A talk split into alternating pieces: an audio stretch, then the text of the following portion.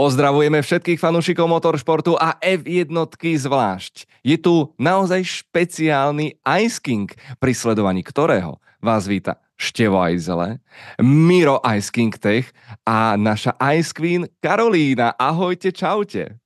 Ahoj. Čaute. No, takejto špeciálnej zostave sme prví a myslím si, že nie posledný krát. A čaká nás epizóda, ktorá bude veľmi interaktívna, ktorá bude veľmi hravá a bude plná typov, odporúčaní nielen od nás, ale aj od vás. Hneď takto úvodom vás vyzývam aj do sekcie komentárov, aby ste písali svoje svoje odporúčania aj pre ďalších fanúšikov, pretože dnes sa budeme rozprávať o tom, ako si čo najlepšie užiť Formulu 1 naživo. Samozrejme je tam celé spektrum krokov, ako sa vôbec dostať k lístkom, ktoré miesta kúpiť, ako sa dostať do pedoku, kde vidieť pilotov, či ísť do kempingu, kde kúpiť ubytovanie, ako nočný život. Rozbehol som sa solidne, musíte uznať. A opäť e, pripomínam, že tradične v predpremiére sme tu v spoločnosti našich Ice King pilotov, aj mechanikov. Piloti s celoročným členstvom vrátane štartovacieho balíčka budú aj debriefingy. Ho, ho, ho, o tie rozhodne neprídeme v predpremiére. A sú tu s nami aj mechanici čo je mesačné členstvo. Ale som strašne rád, že tu je s nami Karolína a Miro. A začneme takou rozbehovou otázočkou, pretože každý z vás e, má už zážitky naživo s okruhou a ja to celé otočím. Na ktorú veľkú cenu v sezóne 2024 by ste sa chceli pozrieť? Karolína, ideš. No, já určitě se chci vrátit do Baku, protože tam jsme byli, v loni jsme tam byli s kamarádkou a nevěděla jsem, co od toho máme čekat. A Baku se nám zalíbilo, jako úplně neříkám to město a Azerbajdžán, ale jako místo na velkou cenu, takže to mm-hmm. plánujeme určitě zopakovat a pak bych se ráda podívala jednak znova do Monzy, protože ten můj první zážitek byl takový náročnější. Mm-hmm, mm-hmm. A pak bych se chtěla podívat asi do Imoly, protože prostě Itálie, Ferrari. rozumieme tejto linke, rozumieme. Miro, ako si na tom ty? No ja mám také dve, teda mám ich samozrejme viac, tiež by som si dal Monzu, Imolu a, a tieto podobné, ale zároveň ma trošku odradza, odradzajú tí talianskí organizátori, Aha. Čiže toho sa trošku bojím. A potom mám, že realisticky by som si strašne rád potrel Silverstone, konkrétne v zákrute Cops, lebo aha, aha, aha. to by som naozaj chcel vedieť, ako rýchlo tam tie monoposty jazdia. A za druhé, také menej realistické, čo si neviem úplne predstaviť, že by som nejako, no jednoducho, nechce sa mi do toho dať až toľko peňazí, mm-hmm. je mhm. Austin. Chcel by som v USA, lebo je tam skvelá atmosféra, ale Miami už je podľa mňa trošku príliš príliš veľký hype, Las Vegas detom, možno ešte horšie. A ten Austin mi príde taký, že fajn, e, je tam skvelá atmosféra, dobrá show a tá trať sa mi páči, takže ja by som si dal tieto dve. No, v tomto roku je 24 príležitosti niekde sa vybrať. E, klasické v našom regióne sú tzv. domáce veľké ceny na Hungaroringu a Red Bull Ringu, ktoré zanalizujeme. Na nich bol Miro už aj osobne. Karolína, ako spomínala, bola v Baku, to som veľmi zvedavý na jej zážitky. Takisto v Katare, ak ma pamäť neklame, všakže, to bol celkom dobrý zájazd, najmä ochutnávka tej, tej ťavy, ale nebola to dospelá ťava, bolo to mláďatko, takže to bol, to bol zážitok trošku z iného súdka a som rád, že si spomenula aj tie problémy v Monze. Mm-hmm. Poďme možno zašpecifikovať ten spôsob rozmýšľania, že aký je rozdiel medzi sledovaním F1 v televízii a naživo? Karolína, povedz o svojho pohľadu. No tam hodně záleží podle mě, co si vyberete za místo protože my jsme v Monze měli místo, který nebylo úplně nejlepší, tam vlastně byla tam sice obrazovka, ale byla, že jsme na ní prakticky neviděli. Plus tam byly neuvěřitelné davy, davy Italů kolem nás všude. Takže to bylo taky problematičtější. Pak ale zase třeba na druhou stranu v tom Baku, kde jsme seděli přímo naproti obrazovce, tak samozřejmě naživo je to něco úplně jiného, je to, je to lepší, že jo? protože vidíte vidíte tu akci, my jsme seděli ještě ke všemu v zatáčce, takže jsme měli možnost, kdyby se tam předjíždělo, což se tam moc nedělo mm-hmm. tady tenhle rok, tak máš možnost sledovat i jako nějakou tu, tu akci tam, takže my jsme seděli vlastně nějaké filharmonia, což bylo staré město, to bylo hezký i jako to okolí tam toho.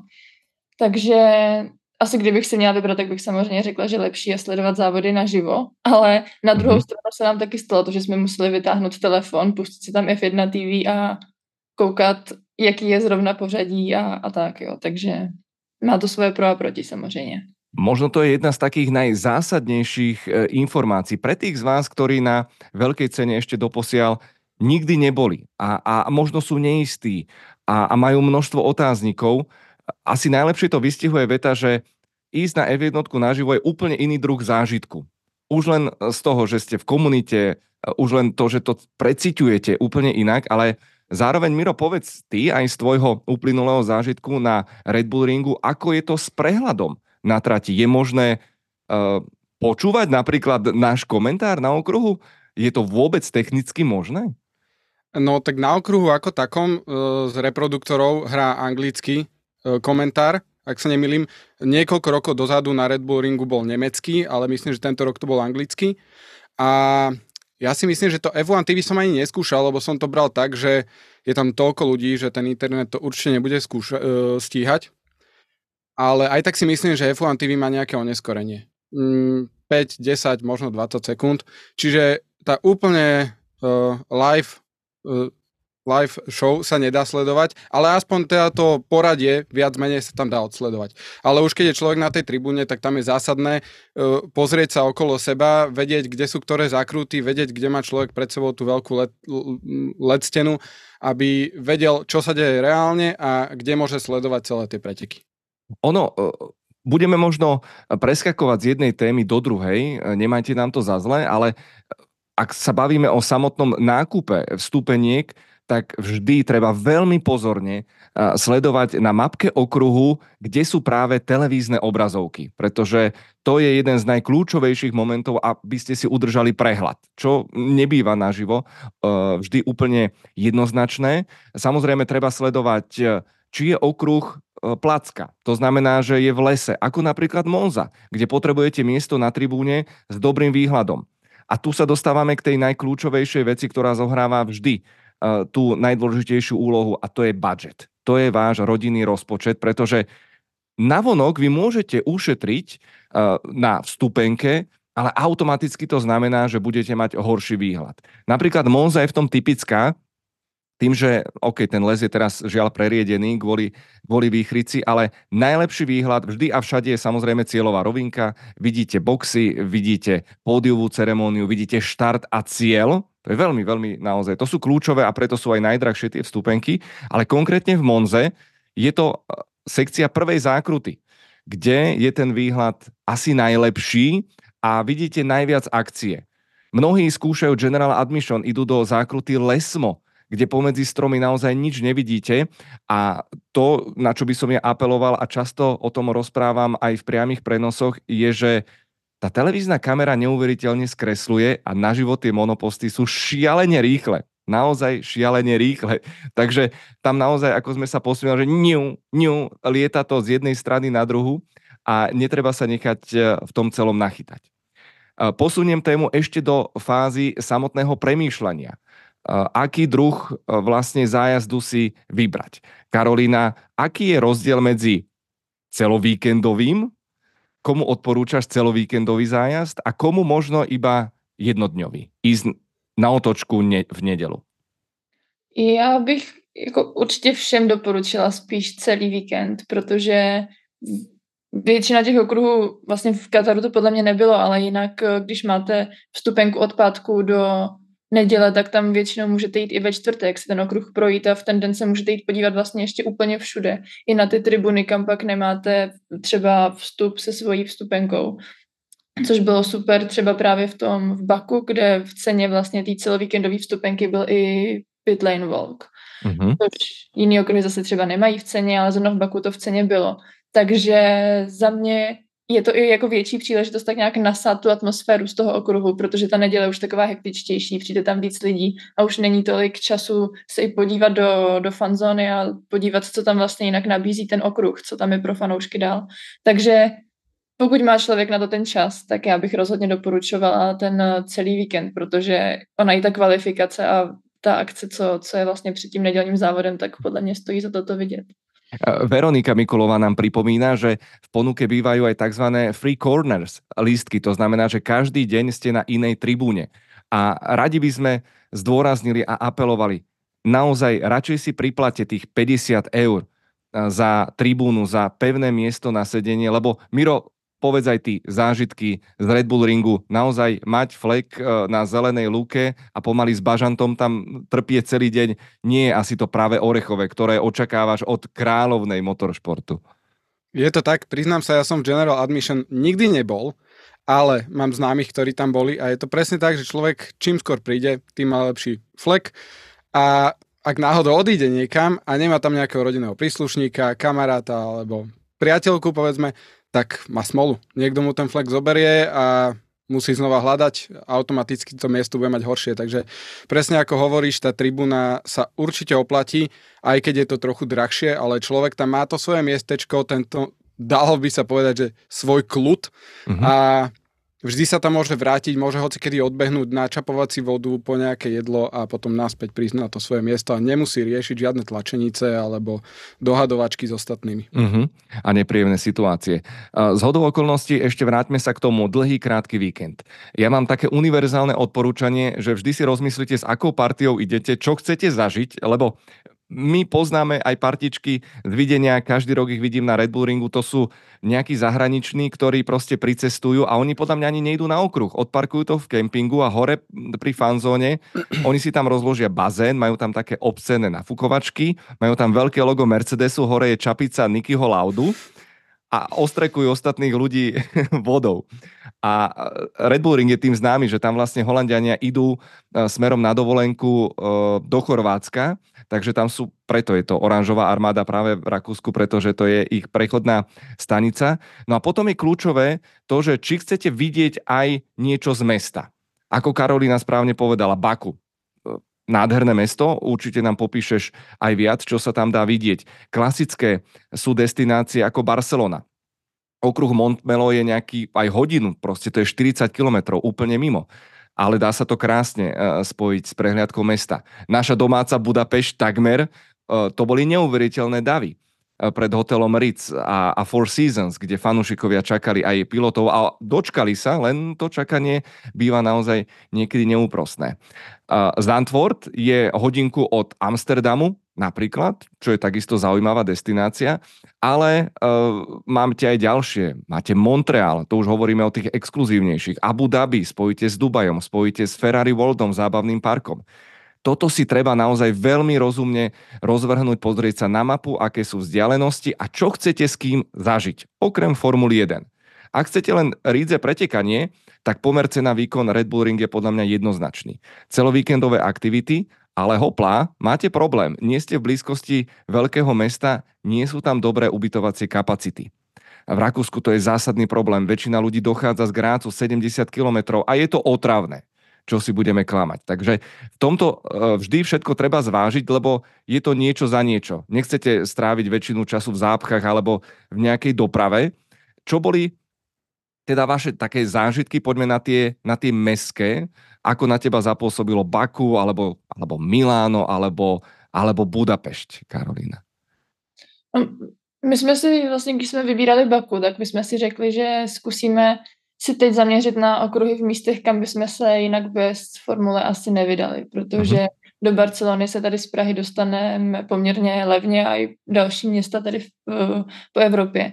Takže i proto jsme Baku vybírali, protože to je úplně jiný svět, ale tam je teda důležité říct, že to je ještě jiný svět, je Baku, když je tam formule a pak je to jiný svět, když ten celý cirkus odjede. Protože my jsme tam vlastně byli ten týden, co byla velká cena a pak celý týden ještě po velké ceně. A mm-hmm.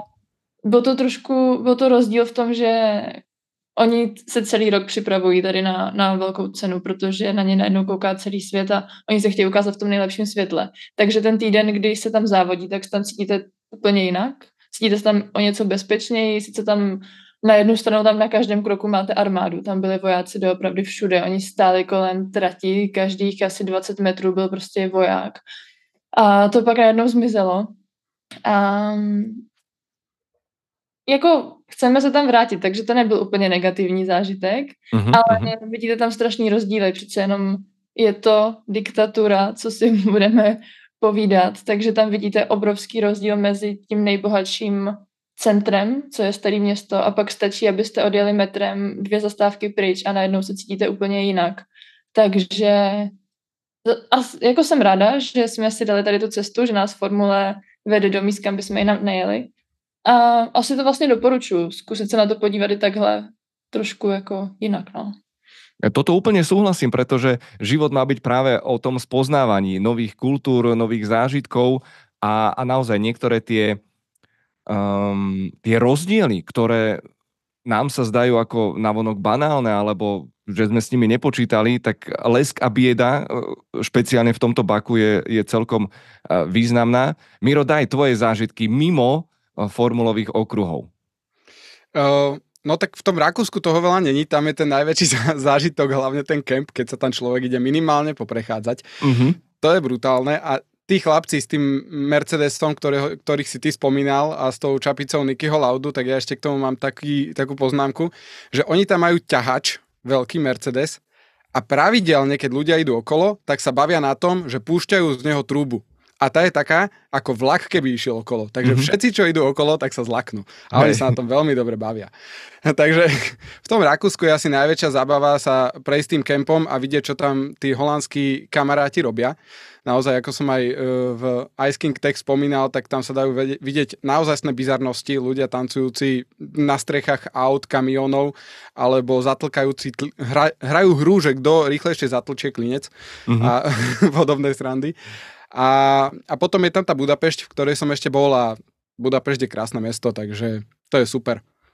No, uh, ja sa snažím teraz nájsť uh, tabulku vlastne cien. Uh, skús možno Karolina nám aj, aj Miro povedať, ako, koľko vás to približne vyšlo oproti tým očakávaniam Jedna vec je samozrejme Baku, kde letecký zájazd je samostatná kapitola, ale čo som aj ja pozeral, tak ubytovanie tam bolo pomerne jednoduché. Poďme na to hľadanie, ako si nájsť ubytko. Aké sú vaše typy?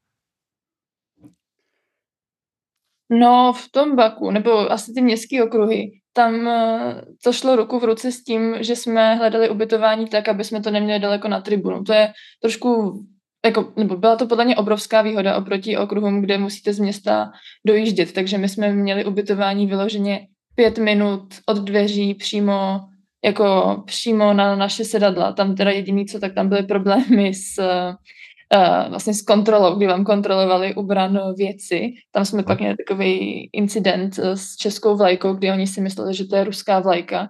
A asi 15 minut jsme se tam s nima dohadovali, že nás tam nechtěli pustit, takže, ale jinak eh, já to většinou, tak tady jsme to hledali tak, aby jsme byli kousíček od, od toho, od té, od té naší tribuny. Ale jinak my to hledáme většinou ubytování prostě čistě přes booking, protože vám to tam vyfiltruje ubytování v té lokalitě. Tam je samozřejmě kámen urazuje to, že ti ubytovatelé vědí, že tam je ta velká cena. Takže ty ceny většinou strašně vystřelí nahoru. To jsme mohli vidět teď v Budapešti, kdy vlastně tam ten, to ubytování bylo asi o polovinu dražší, než pak v týdnu dál, kdy už tam formule nebyly.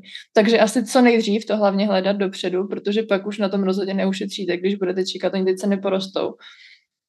Takže jako na to ubytování podle mě moc jako lepší typ nemám. Tam se mm-hmm. podle mě dá spíš ušetřit na vstupenkách, protože my jsme vstupenky jak v Baku, tak vlastně v Kataru jsme kupovali přímo přes uh, stránku toho okruhu, ne přes, ne přes eh, F1 Tickets. A oni tam mají často, často nějaký akce, že třeba v Baku tam byly akce tím, jak to v loni bylo vlastně dřív ta velká cena, tak byly akce po Vánocích a byly to slevy asi 25-30%, mm-hmm. tak tím mhm. jsme si i my mohli koupit lepší tribunu, než jsme třeba původně chtěli, protože nám to trošku zvýšilo ten náš, ten náš jakoby budget, nebo jak to říct. Takže rozhodně bych to nekupovala přes nějaký jako Viagogo a podobný, ale zkusit se koukat i tady na ty stránky těch okruhů, to je podľa mňa dobrá cesta. Uh-huh, to je dobrý tip, dobrý tip. A už tu máme aj v čete fotku našich kamarátov z Red Bull Ringu. Uh, Miro, ako vnímaš ty vlastne uh, taká tá zásadná otázka, že niektorí chcú ušetriť, majú, majú karaván a konkrétne na tom Red Bull Ringu si povedia, že my to prespíme v pohode v tom kempe. Mm. Napríklad ja som známy tým, že ja potrebujem mať e, svoju postielku, svoj nejaký komfort, svoj kľud a preferujem niečo podobné, aj keď je to o niečo drahšie, tak skús porovnať vlastne tieto dve možnosti. Uh, no určite v tom karavane človek má to svoje pohodlie, ale aj tak sa nevyhne tomu okolitému svetu, ktoré je hneď za stenou toho karavanu a ten okolitý svet, pokiaľ chcete byť v kempe, ktorý je naozaj pritratí, že vidíte a za 5 minút ste pri bráne, tak to je ten svet, ktorý vám nedovolí sa vyspať. Jednoducho, to je tá holandská enkláva, ktorá žije 24 hodín denne, celý víkend, od štvrtka až do nedele, tam to jednoducho Super Max, máš úplného červa ušného, že? Áno, áno. A keď nie Supermax, tak uh, Niky Lauda, ešte aj ten má takú zaujímavú pesničku a, a, a podobné veci. Takže ak s karavanom, tak myslím, že na Red Bull Ringu je za hlavnou cestou vlastne sú ešte aj ďalšie kempy a možno tam sa, si to viem predstaviť, že človek by sa aj vyspal. Ale priamo ten úplne pri, e, kemp pri tak to sa nedá. To sa nedá. Poďme si predstaviť, priblížiť e, e, spomínaný Red Bull Ring, keďže patrí k najčastejšie navštevovaným v rámci nášho regiónu. No, to, čo je dôležité vedieť, prichádza sa zo spodu po úzučkej ceste. A hlavná tribúna je pomerne známa a ja nikdy nezabúdam pripomenúť, a ľudia to často možno podceňujú, aké výhody má krytá tribúna. V teplom letnom horku na vás nepečie slnko. Naopak, čo sa týka dažďa, tak všetci vieme, že to dokáže byť veľmi nepríjemné. Red Bull Ring, prvá zákruta z môjho pohľadu je to najatraktívnejšie, čo môžete kúpiť, pomer cena výkon. Osobne by som sa vyhýbal možno poslednej, lebo tam väčšinou vidíte tie monoposty od chrbta a vľavo je fanzóna, ktorej strávite, ehm, dá sa povedať, že slušný čas a opäť pripomínam e, pravidlo číslo 1, vždy si vopred stanovte budget. Koľko peňazí ste ochotní minúť, lebo ak vojdete do fanzóny a špeciálne do všetkých fanshopov tak to je dopamín najväčšieho a najtvrdšieho rangu, kde ste schopní pokúpiť si veci, o ktorých ste ani netušili, že ich nepotrebujete, ale aspoň ich kúpite o polovicu drahšie, ako napríklad na Formula Store alebo dopredu na iných stránkach. Red Bull Ring, ono to nevyzerá na mapke a v televízii, je kopcovitá trať a smerom hore do tejto tretej zákruty tak to je celkom slušná štreka, 20-minútová prechádzka a neviem, či to chcete zažiť uh, každý deň, niečo podobné, ale ten výhľad je nádherný. Miro, povedz ty, pretože ty si si prešiel celý okruh v podstate kolom dokola.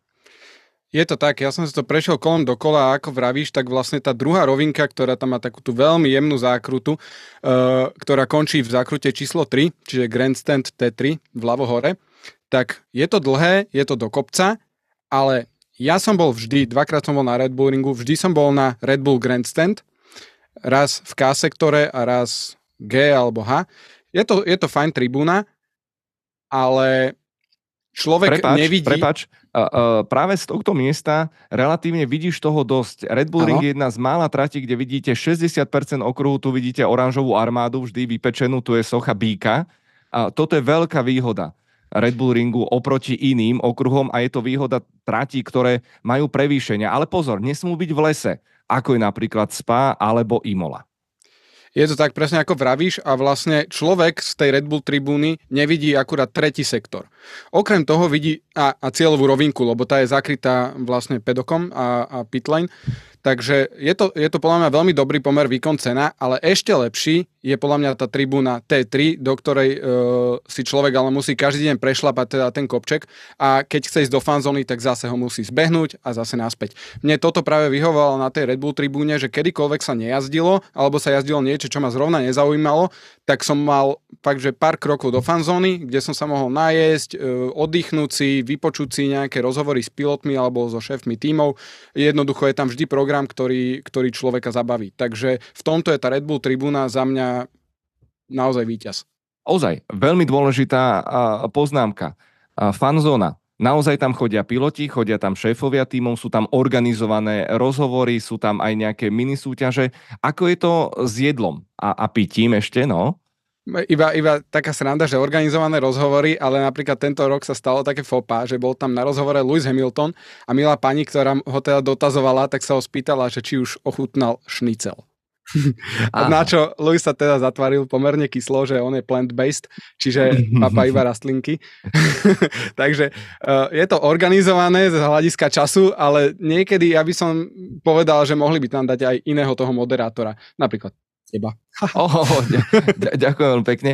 A, ale ja si pamätám, bol tam aj nejaký e, kvázi incident s Totom Wolfom tento, tento rok, nie? Že, že on bol veľmi interaktívny, niekto zase tam asi na neho kričal no, Michael, no.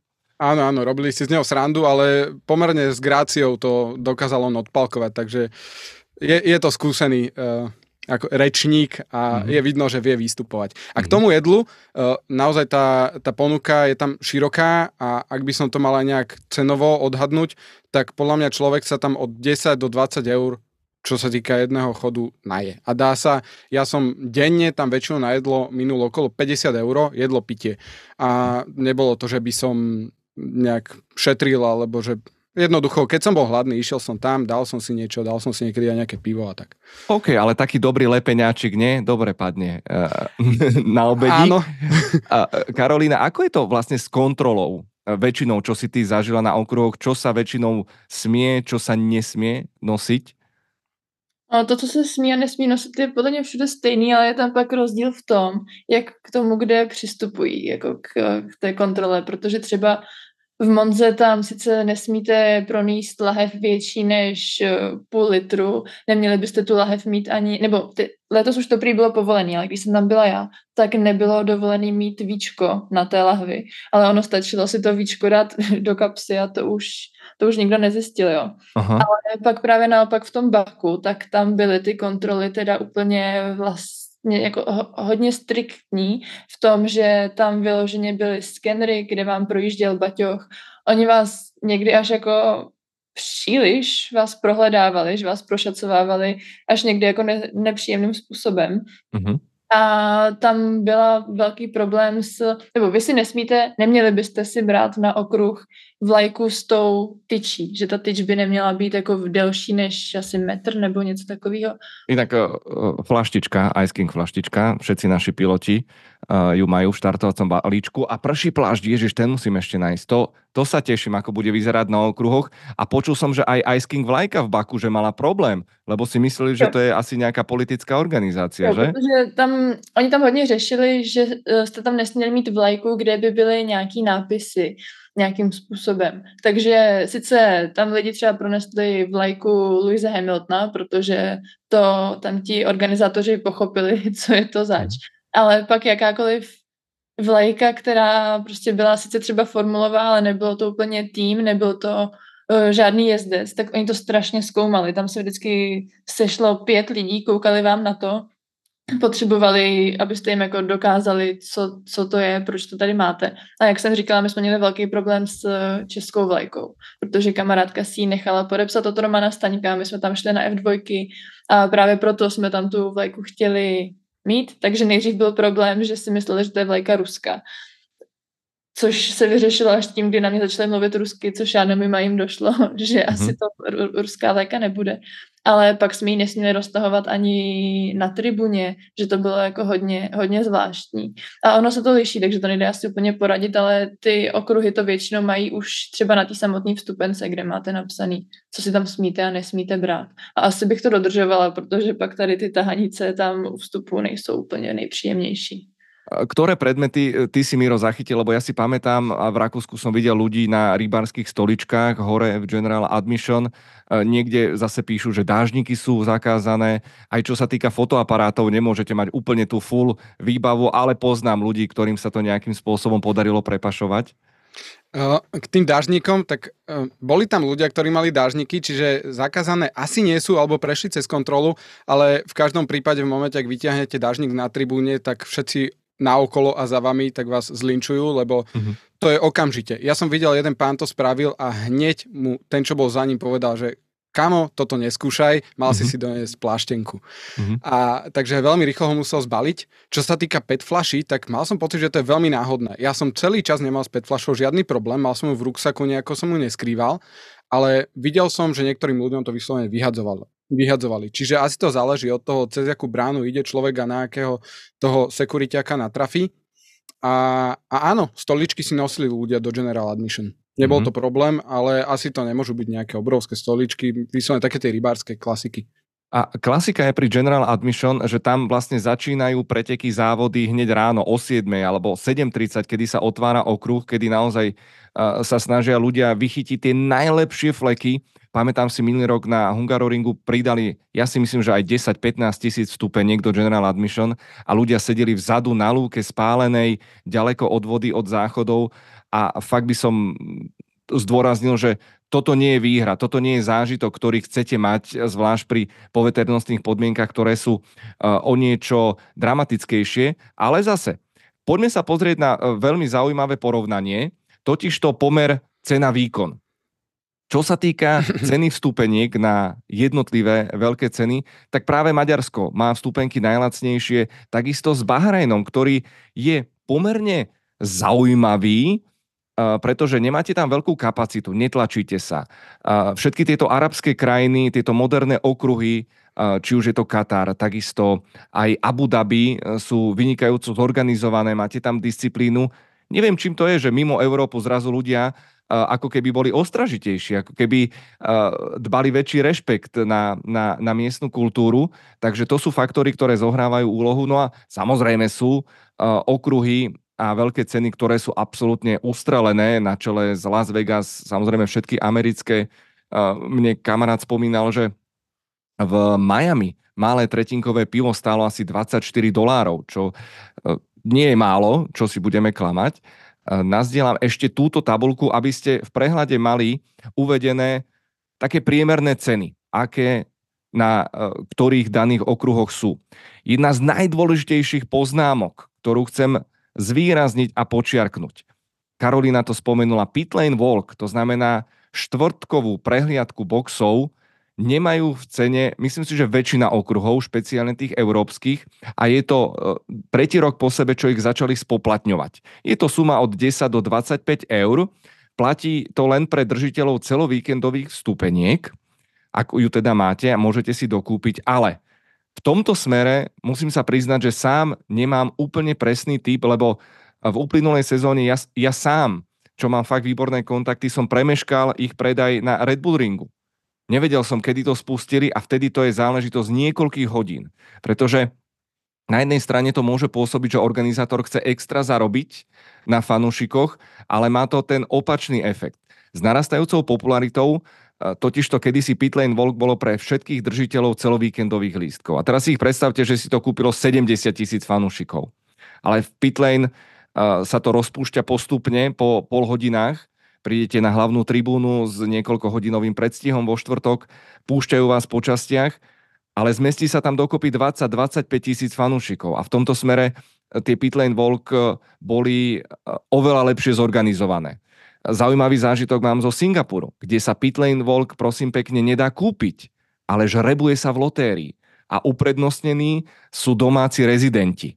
Čo je opäť vec, ktorá vás nenapadne pri nákupe samotných vstupeniek, je to jedna z takých vychytávok a treba byť veľmi bystrý, pretože pitlane walk, povedzte sami, Miro začni, aký je to druh zážitku. Ja všetkým rozprávam, ak by sa dalo kúpiť, kupujte nedelu a kupujte štvrtok Pitlane Walk. To je podľa mňa to najviac, odliadnúť samozrejme od šprintových víkendov, tam tých zážitkov je pomerne viac. Je to tak, Pitlane Walk určite stojí za to. Ja mám pocit, že v pomere k tej stupenke, ktorú ja na Red Bull ringu mňa stala 275 eur, ten Pitlane Walk stal 25. A v tomto pomere je ten pitlane walk fakt na nezaplatenie. Je to úžasná vec, ktorá nestojí vôbec veľa, keď tam idete na celý ten víkend a uvidíte tie monoposty naozaj zblízka, viete si pozrieť celú cieľovú rovinku, viete si pozrieť celé boxy, vidíte tam mechanikov, ktorí pracujú na tých monopostoch, lebo v štvrtok ich niekedy ešte len skladajú alebo nacvičujú pitstopy, to všetko vidíte z prvej ruky, môžete si pozrieť kadejaké senzory, cieľovú kameru, cieľovú čiaru, e, štartovací semafor. Je to naozaj skvelý zážitok, ktorý má jedno, jedno malé negatívum, alebo dve. pomerne dlho sa na neho čaká, ak tam prídete neskôr, lebo na Red Bull ringu to funguje tak, že oni vlastne všetkých ľudí usadia na hlavnú tribúnu ktorá je teda krytá, je to v pohode, púšťajú tam nejakú hudbu, človek vidí predtým aj safety car jazdiť, ale púšťajú ľudí potom na ten samotný pitlane walk a na cieľovú rovinku po sektoroch.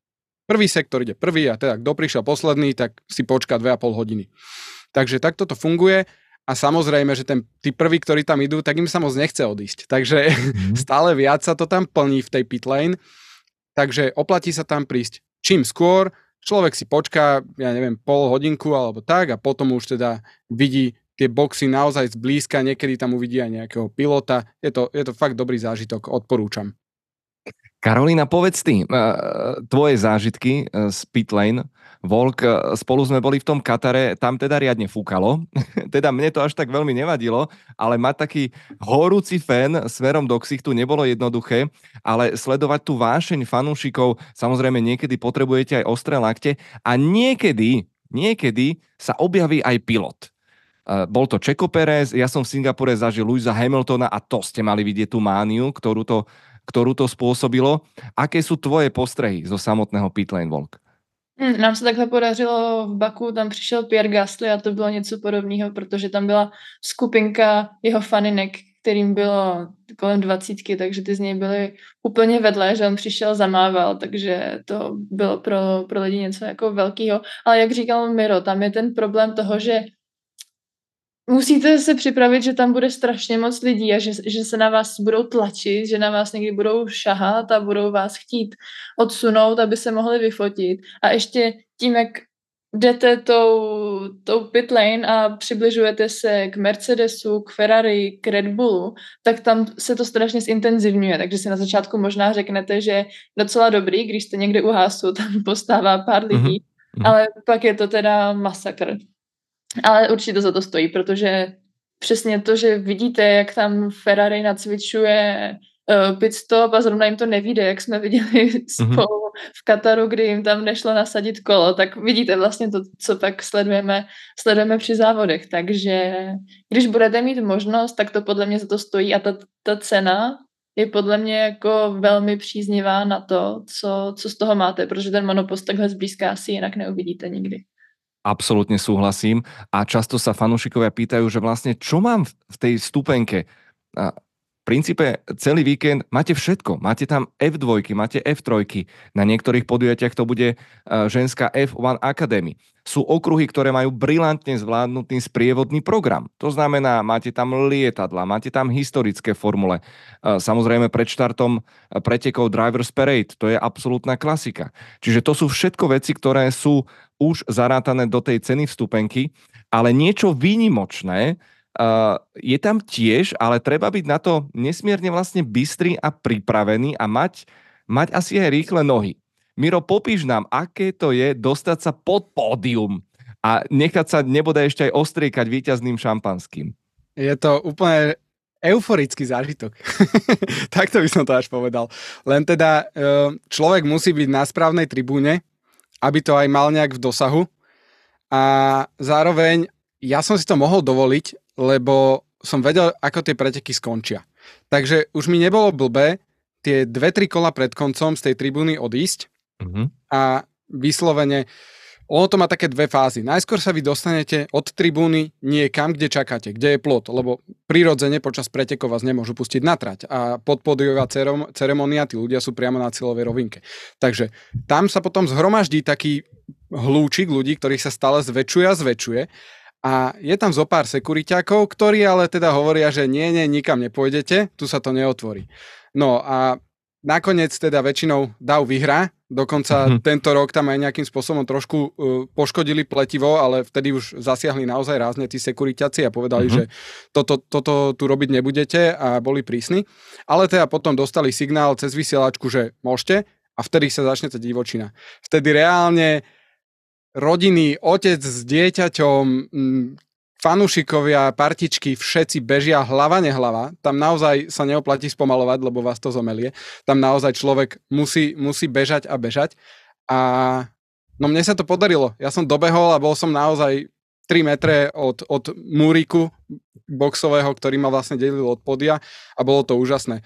tam bolo tam kopec fanúšikov, všetci spievali, nejaký dym som tam cítil a, a bol to skvelý zážitok.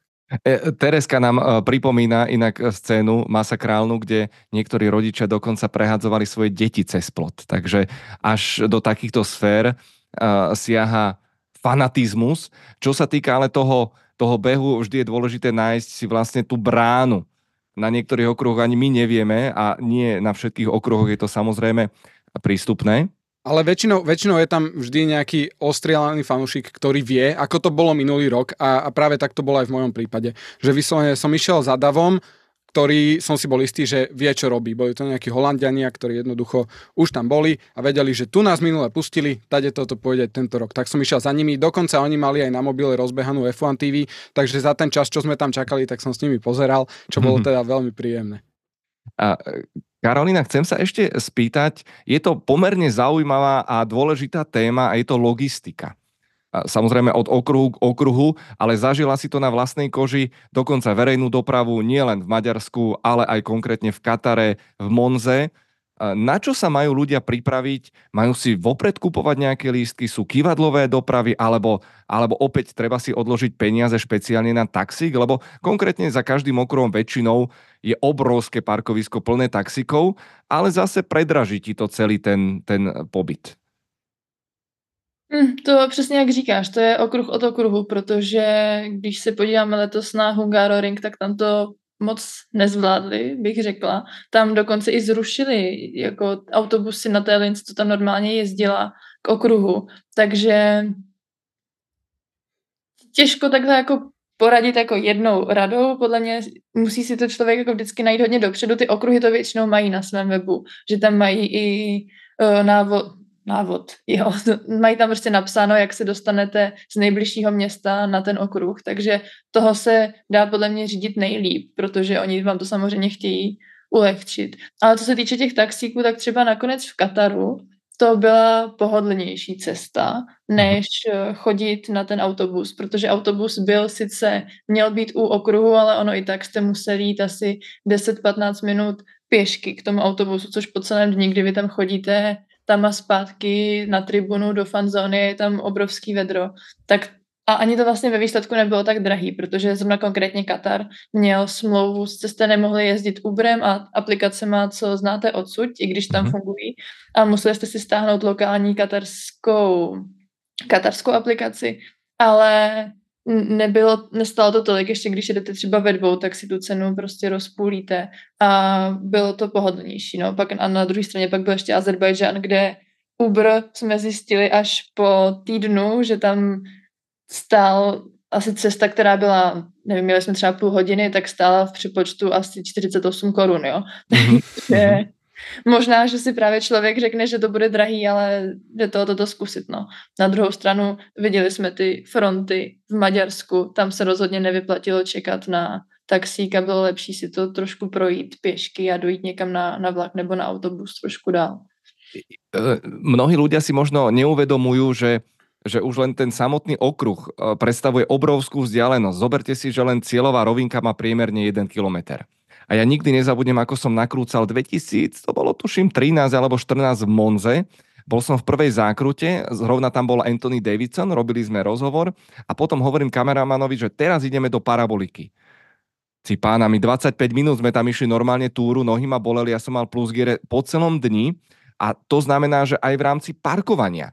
E, pri väčšine vstupeniek máte k dispozícii určitú zónu na parkovanie, niekedy si sa oplatí priplatiť, ale Miro aj v tomto, čo sa týka parkovania, e, sú nejaké zaujímavé, zaujímavé a výhodné triky. Je to tak, ja vlastne tento rok z Red Bull, na Red Bull Ring som išiel s tebou, takže tam to bolo zariadené, ale naspäť som už odvoz nemal, takže ďakujem rodinke, ktorá ma odviezla naspäť, je to super, že človek vie takto na mieste si zohnať odvoz a vlastne oni prišli iba na nedelu a zaparkovali pomerne ďaleko. Čo teda na prvý pohľad sa môže zdať ako nevýhoda, že človek dlho šlape a čo teda aj si človek pošlapal chvíľu, ale na druhej strane po pretekoch sme prišli do auta a takto sme boli na diálnici a mohli sme ísť. Naozaj trvalo nám to 5 minút a boli sme na diálnici a všetko bolo v pohode, takže sme neboli v žiadnej zápche a Je to, je to, ja by som povedal, že lepšie paradoxne parkovať ďalej. Ono, je to žiaľ, nerad to hovorím, ale je to v podstate prirodzená súčasť folklóru pretože na väčšinu tých tratí vedie úzka jedna cestička a napriek uh, všetkým navigáciám, napriek uh, proste policajtom, ktorí to tam organizujú, tak ak vypustíte 100 tisíc ľudí v jednom čase, žiaľ, viem aj od vás priamo historky, že aj 3 hodiny ste stvrdli v autách. Dokonca, pamätám si, niektorí fanúšikovia mi písali, že majú špeciálne vybraté filmy, alebo Ice Kingy, ktoré si púšťajú po veľkej cene, alebo debriefing naživo si púšťali a pritom sa ani nepohli z miesta. Dovolte mi možno prezdieľať pár mapiek, môžeme si ukázať uh, nejaké také tie kritické body, uh, viackrát spomínaný Hungaroring, uh, naša domáca veľká cena. Ak môžem za seba povedať, nikdy si nekupujte bronz. Túto vľavo hore. Je tam ďaleko od šadial, a vidíte toho pramálo, vidíte tam šikanu, väčšinou málo akcie a hlavne ste ďaleko od pódia, od fanzóny, jednoducho od všetkého. To je môj taký úplne základný tip, ak vidíte, že bod 1 je hlavný vstup. V zadnej časti uh, túto uh, je fanzóna väčšinou, alebo bola dokonca presunutá sem. Kempingy sú hore na kopci, v týchto zónach väčšinou bývajú aj ice king stretnutia, Inak wow. To, ako sme tam sekuriťakov e, strašili e, posledné roky, myslím, že o nás v e, F1 vedia. Krásne vidíte to rozloženie obrazoviek. Tribúny G3, G4 sú veľmi atraktívne, pretože najviac akcií na Hungaroringu býva práve v prvej zákrute. No a klasická tá tribúna, ktorá je zakrytá a má svoje obrovské benefity, mnohí si neuvedomujú, ten vlastne pocit, že vidíte do boxov. Vy neustále vidíte vlastne, čo sa deje. Chystajú sa mechanici, niekto má problém. Nevravec o pódiovej ceremonii, ale, ale opäť pozor, vždy si dajte pozor, keď kupujete lístky, obrovský pozor si dávajte na to, informujte sa u svojich predajcov, aby ste náhodou nemali miesta síce na hlavnej tribúne, ale v prvom, druhom rade dole. Tam môžete aj trošku zmoknúť. Máte monoposty uh, pri tom štart cieli, máte tak povediať na dotyk, ale možno tá, tá viditeľnosť, tá vizibilita je o niečo nižšia. Takže to je taká maličká pasca, na ktorú si rozhodne treba dať pozor. Uh, mám tu ešte nakreslených niekoľko okruhov, uh, napríklad Monako je snom mnohých ísť do Monaka, ale nie je to úplne jednoduchá, lacná záležitosť. Samozrejme, odporúča sa, aspoň som to spomínal viackrát, ubytovanie v NIS, niekde pri železničnej stanici, ktorá je síce v arabskej štvrti a po zotmení by som tam veľmi nevychádzal, ale idete krásne vláčikom Azúrovom pobreží, vystúpite v hradnej skale za zákrutou Sandy Vote a má to svoj obrovský, obrovský šarm a keď otvoria ten okruh a vy tam môžete vbehnúť a hneď tam dajú pípy, hneď tam dajú tyče pre tanečnice, gauče a hneď to v Monaku začne žiť, tak to je to práve Monako. Ale pozor, nájsť tam tribúnu a mať dobrý výhľad je v podstate nemožné. Ja z mojej, z mojej skúsenosti Dokonca už aj hradný kopec je spoplatnený na nedelu, takže nie je to tak, že by ste tam zadarmo vyšlapali. Ale dobrá tribúna je vlastne eh, okolí bazéna a smerom do Raskas, kde vidíte takisto boxy, čo môže byť e, svojím spôsobom atraktívne, ale v Monaku vidíte priemerne tak 70 až 100 metrov trate. Čiže tá veľká tribúna e, v rámci prístavu e, a oproti vidíte bazén, to je jediná, ktorú by som tak nejak odporúčal. Samozrejme, ak nemáte pozvánku na jachtu alebo na nejaký balkónik, čo sú ale už úplne že šialené, e, šialené sumy. Takže má to obrovský e, samozrejme šarm a Monako je proste Monako.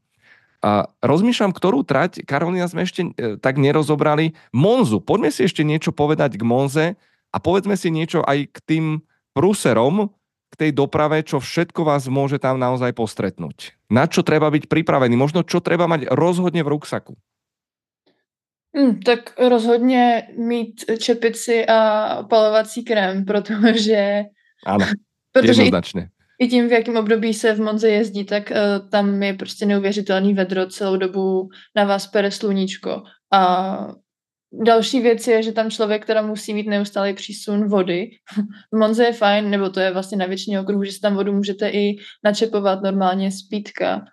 Takže to je to je určitě co, co mít sebou, ale hlavně v Monze se asi musí člověk připravit na to, že tam prostě je to jednak italská organizace. Takže uh-huh. například ten rok, když jsme tam byli my, tak to jezdil Roman Staněk F3 a v tom závodě ještě jako on mohl bojovat ty, teoreticky o, o titul. Takže jsme tam chtěli být brzo, chtěli jsme tam být co nejdřív, aby jsme ty F3 viděli. E, ten závod začínal podle mě 8.50 nebo něco takového. My jsme na okruh přišli před sedmou, před sedmou ráno, takže byste si řekli, že to je dost času na to se tam dostat. Ale my jsme to nestihli. My jsme mm-hmm. prostě do těch 8.50 vstoupit na ten okruh. Tam byly neuvěřitelný davy před tou bránou, byla tam strašně zmatečná, zmatečný systém toho, jak vás pouštili dovnitř, pak vám ještě prošacovávali věci a pak samozřejmě ještě než dojdete ke svému místu, tak to bylo docela výkon. Ono pak samozřejmě lidi radí najít si nějaký jiný vstupy, my jsme prostě šli vstupem od toho, kde vás vyhodí autobus, takže to bylo asi jako rychlejší, než tam obcházet ten okruh z více stran, ale prostě je to Itálie, no, takže se musíte připravit na to, že je to trošku jako punkový. Tam tehdy ještě ten rok byl ta jejich šílený systém těch tokenů, za který se nakupovalo jídlo a pití. Což už tam letos prý nebylo, ale tak snad se k tomu ani nevrátí. Ale je to takový specifický. No, na druhou stranu je to Monza, takže pokud mm-hmm. jako máte blízko k Ferrari, tak asi lepší okruh nezažijete, co se týče nějaké atmosféry. V Taliansku ešte chvíľočku zostaneme, pretože jeden z klenotov, o ktorom sa málo hovorí, je uh, rozhodne Imola.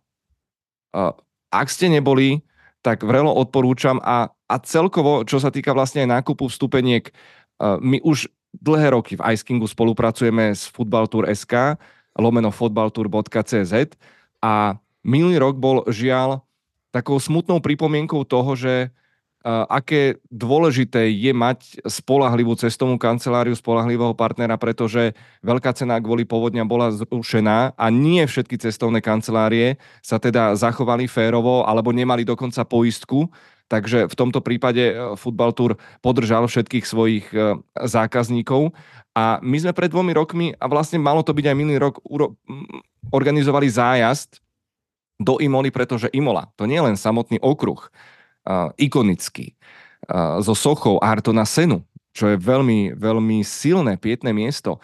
Ale kúsok máte Maranello, kúsok máte Modenu, Múzeum Ferrari. Uh, jednak Enzové múzeum, múzeum F1, uh, samotno Maranele, ktoré naozaj musíte zažiť, je to podľa mňa najväčšie formulové najsilnejšie formulové múzeum, ktoré existuje. Vedľa Fiorano, reštaurácia Montana, či už idete na vlastnú pesť, dajte si včas rezerváciu, pretože to je múzeum samo o sebe. To jedlo, no a na to kašľať. Samozrejme, dajú vám pastu a, a výborný samostatný stolík s dezertami, rozhodne sa to oplatí. Ale keď tu mám mapu a Karolina spomínala uh, dopravu po italsky, uh, to isté platí v Imole. Tam bolo premenlivé počasie, a viem vám povedať veľmi presne, že napríklad tam niektoré tribúny boli proste staré, spráchnivelé, napríklad v tomto sektore a bolo tam strašné blato. Dokonca Tatrovky tam vozili ešte štrk e, počas samotných tréningov, aby sa tam dalo nejakým spôsobom chodiť. Imola je členitá, takže je veľmi vlastne kľúčové nájsť si to správne miesto. Opäť pozerajte obrazovky. Imola má napríklad najdlhšiu boxovú uličku, takže z nejakej tribúny, napríklad, napríklad tejto, máte pocit, že ste na hlavnej a nemusíte vidieť boxy, garáže, alebo e, konkrétne štart cieľ, kvôli ktorému tam idú naozaj, naozaj mnohí. V šikanách, ako je varianta Alta, vidíte tie monoposty pri rýchlych prejazdoch. Myslím si, že General Admission, e, ako vidíte na mapke, Circolare, je pomerne zložité, lebo stojíte na mieste a, a vlastne už v druhom rade nevidíte nič poriadne. A, ale opäť, je to Taliansko, je to Monza, je to výnimočná trať, ktorá naozaj stojí e, za návštevu aj s celým tým programom, ktorý tam môže byť ponúknutý. A mám tu ešte jednu legendu, ktorú samozrejme vynechať nemôžeme a to je SPA, Frankom Šáp A to je okruh, ktorý je mimoriadne zradný a teraz nenarážam na 2021 na zrušenú veľkú cenu a ako to tam celé bolo zmáčané, ale e, najmä na skutočnosť, že je to v hustom lese. Takže mimoriadne populárna je teraz tá nová tribúna nad Ourouge, čo je vraj wow, opäť naozaj wow, ale pozor na nízke rady na tribúnach. No a veľmi populárna je Camel Straight, logicky, kde máte uh, najlepšiu šancu uh, vidieť predbiehacie manévre. Z hodov okolností môj kamarát pred... Bol to práve rok 2000. On videl manéver uh, Hekinen, Schumacher, Zonta v priamom prenose kvôli tomu, že na Čierno ich tam niekto prepašoval cez les. To teraz neodporúčam v dnešných časoch, ale vtedy sa to ešte dalo, takže uh, je to taká turistika trošku iného rangu. Otázka. Jedna z najčastejších, Karolína. Kde mám šancu stretnúť, vidieť pilota? Nebodaj mu dať niečo podpísať. Hmm. Samozřejmě můžete si koupit pedok pas, ale mm-hmm. to je poměrně náročný finančně, takže mm, třeba u Monzy se dali najít dobře typy na, na různých jako fórech fanoušků, kde oni vám radí, kudy piloti přijíždí na okruh a podobně.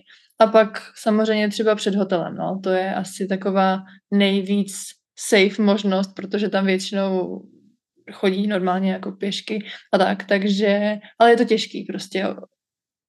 Nikdo vám ne, ne, nezaručí, že když budete čekat tam, kde by se piloti objevit měli, že tam doopravdy přijdou. Takže je to taková loterie, podľa mňa trošku, no. A hlavne, keď si to povie niekoľko desiatok tisíc fanúšikov naraz a, a samozrejme aj tí piloti sú len ľudia, nie v ich silách. Poznáme mnohých, ktorí sa snažia vyhovieť fanúšikom. Ak ma pamäť neklame, Miro, práve na Red Bull ringu tam je vlastne aj taká vlastne taký zelený koberec, nie? ktorým piloti prichádzajú a občas sa zastavia, niekomu podpíšu, ale naozaj nikto vám negarantuje, že, že dokonca s General Admission lístkom sa dostanete na tú najlepšiu pozíciu a budete mať šancu uh, k tomu pilotovi niečo prestrčiť. V tomto ja by som sa možno vrátil k Hungaroringu, lebo tam mám príjemnú, príjemný zážitok, že Sebastian Vettel, to bol asi 2016, tam prichádzal na motorke. A mhm. vlastne tam sa prichádza jednou cestou a ľudia tam čakajú, lebo vedia, že táto tí piloti musia ísť. Niekedy iba striehnú, že aha, aha, ide Ferrari, takže tam bude určite Kimi, v tej, v tej bol ešte Kimi, myslím. Takže a Sebastian Vettel tam prichádzal na motorke a on reálne sa tam zastavil a tých ľudí všetkých pozdravil, bolo to veľmi milé. Takže na Hungaroringu je jedna prijazdová cesta, cez ktorú všetci idú. Tí fanúšikovia tam stoja, či už pozerajú tie auta, v ktorých prichádzajú piloti. Väčšinou tie auta sú také, že vidíte, že ide pilot, mm-hmm. lebo je to niečo úplne iné, nič bežné, nie, nie je to jednoducho oktávka, je to vždy nejaký McLaren alebo Alfa alebo Ferrari poriadne. Takže na Hungaroringu sa toto dá veľmi pekne a je to aj na Red Bull ringu, ale tam je toho miesta strašne málo, lebo je to vlastne vyslovene až, kde sa pripája cesta z okruhu k hlavnej ceste. A to je taká malá krížovatka, tam sa zmestí dokopy 50 ľudí a už sa tam tlačia, takže mm. na, hora, na Hungaroringu je to v tomto oveľa lepšie. Uh, Juraj Fanušik nám pripomína, že aj miestne letiská, uh, ale opäť netušíte, kedy navyše private jetmi, kedy tí piloti, aj keď vďaka flight radaru už sa dá všeličo vyskúmať, samozrejme v dnešnej dobe a Karolina správne povedala, že tie fanúšikovské stránky sú teraz už veľmi sofistikované však, že dokážete tam nájsť naozaj rôzne informácie. Pamätám si, a z okolností je to ten istý pilot a s Rišom Gondom, ako sme sa predbiehali cestou na Hungaroring aj na Monzu s Pierom Gaslim. A presne si povedal, Miro, že, že všetky tie týmy majú priradené svoje firemné auta a pomerne ľahko ich rozpoznáte, pokiaľ nie ste Lewis Hamilton a má svoju eskortu a, a má svojich bodyguardov. Takže v tomto zmysle uh, šanca vidieť pilota na vlastné oči je relatívne možná a tie šance sú oveľa vyššie ako mať nejaký autogram podpísané, hoci evidujem aj v našej formulovej rodine viacerých fanúšikov, ktorým sa to podarilo a treba byť niekedy možno trošku šikovný, asertívny, predsa len mať aj trošku šťastia pri tých hoteloch napríklad na, na Hungaroringu. A, priatelia, poďme to uzavrieť. A, samozrejme, opäť pripomínam, pozývame vás do diskusie, dávajte svoje zážitky, svoje výstrahy a hlavne dávajte tipy ostatným fanúšikom, kde ísť. Ktorá tribúna, možno ktorý hotel, kde nájsť najlepšie ubytovanie.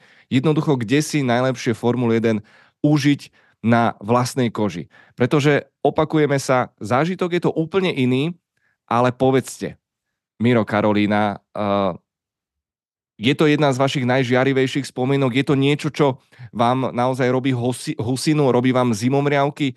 Povedzte možno, spomente taký moment, kedy ste si povedali, wow, ja fakt milujem Formulu 1. Tak uh, asi dámy majú prednosť, tak Karolina začni. Tak u mě to bude zkreslený. Podle mě asi nikdo nečekáte, že bych řekla něco jiného, než když jsme se Števem teď v Kataru byli v pedoku ta, a potkali jsme tam Charlesa, což prostě je takový highlight mého života, bych hmm. řekla. A jako vlastně ten Katar celkově... Počkaj, počkaj, dobre, rozmeňme to na drobné, pretože uh, a patrí sa to spomenúť, stále je možnosť a, a, a netreba len snívať, ale sny si treba aj plniť, možností je viacero. Taká tá elementárna otázka, ako sa dostať do pedoku.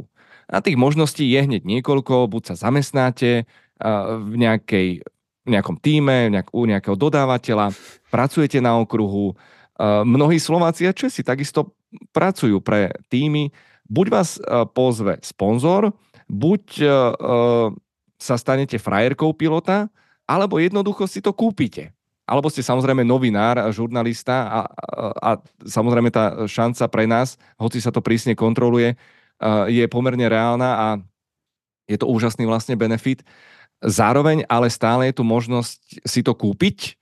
Tie ceny sú šialené, nebudeme si klamať, pretože pred pár rokmi to bolo 5000 eur, ak ma pamäť neklame na celý víkend, teraz to už ide cez 7000 eur. Stránka f1experiences.com sú tam rôzne balíčky, môžete mať e, rôzne, e, dokonca previe sa hotlaps e, z pretekári vás povozia na niektorých tratiach, takže to balíčkovanie je rôzne, ste väčšinou nad garážami, so šampanským, s cateringom, nevždy máte voľný vstup do pedoku, ale Karolina, skús približiť také nejaké nepísané pravidla pedoku z tvojho pohľadu, pretože aj človek, keď príde prvýkrát na okruh, tak je vyhúkaný a nevie možno kam sa presne pozerať a pri pedoku to podľa mňa platí desaťnásobne. Ja som bol taký trošku mentor, robil som chytrého, ale tiež, keď som bol prvýkrát v pedoku, tak som bol jak e, Alenka v ríši zázrakov, úplne dezorientovaný. Čo a ako na teba zapôsobil formulový pedok? Hm, my jsme se o tom bavili, že ten v Kataru byl podle mě trošku specifický v tom, že tam nebylo až tolik lidí, jako asi bude na Red Bull ringu a podobně. Takže tam to bylo takový komornější a myslím si, že jsme se oba pak smáli tomu, jak ke konci už mně vlastně přišlo úplně normální, že ten Charles tam kolem nás chodil.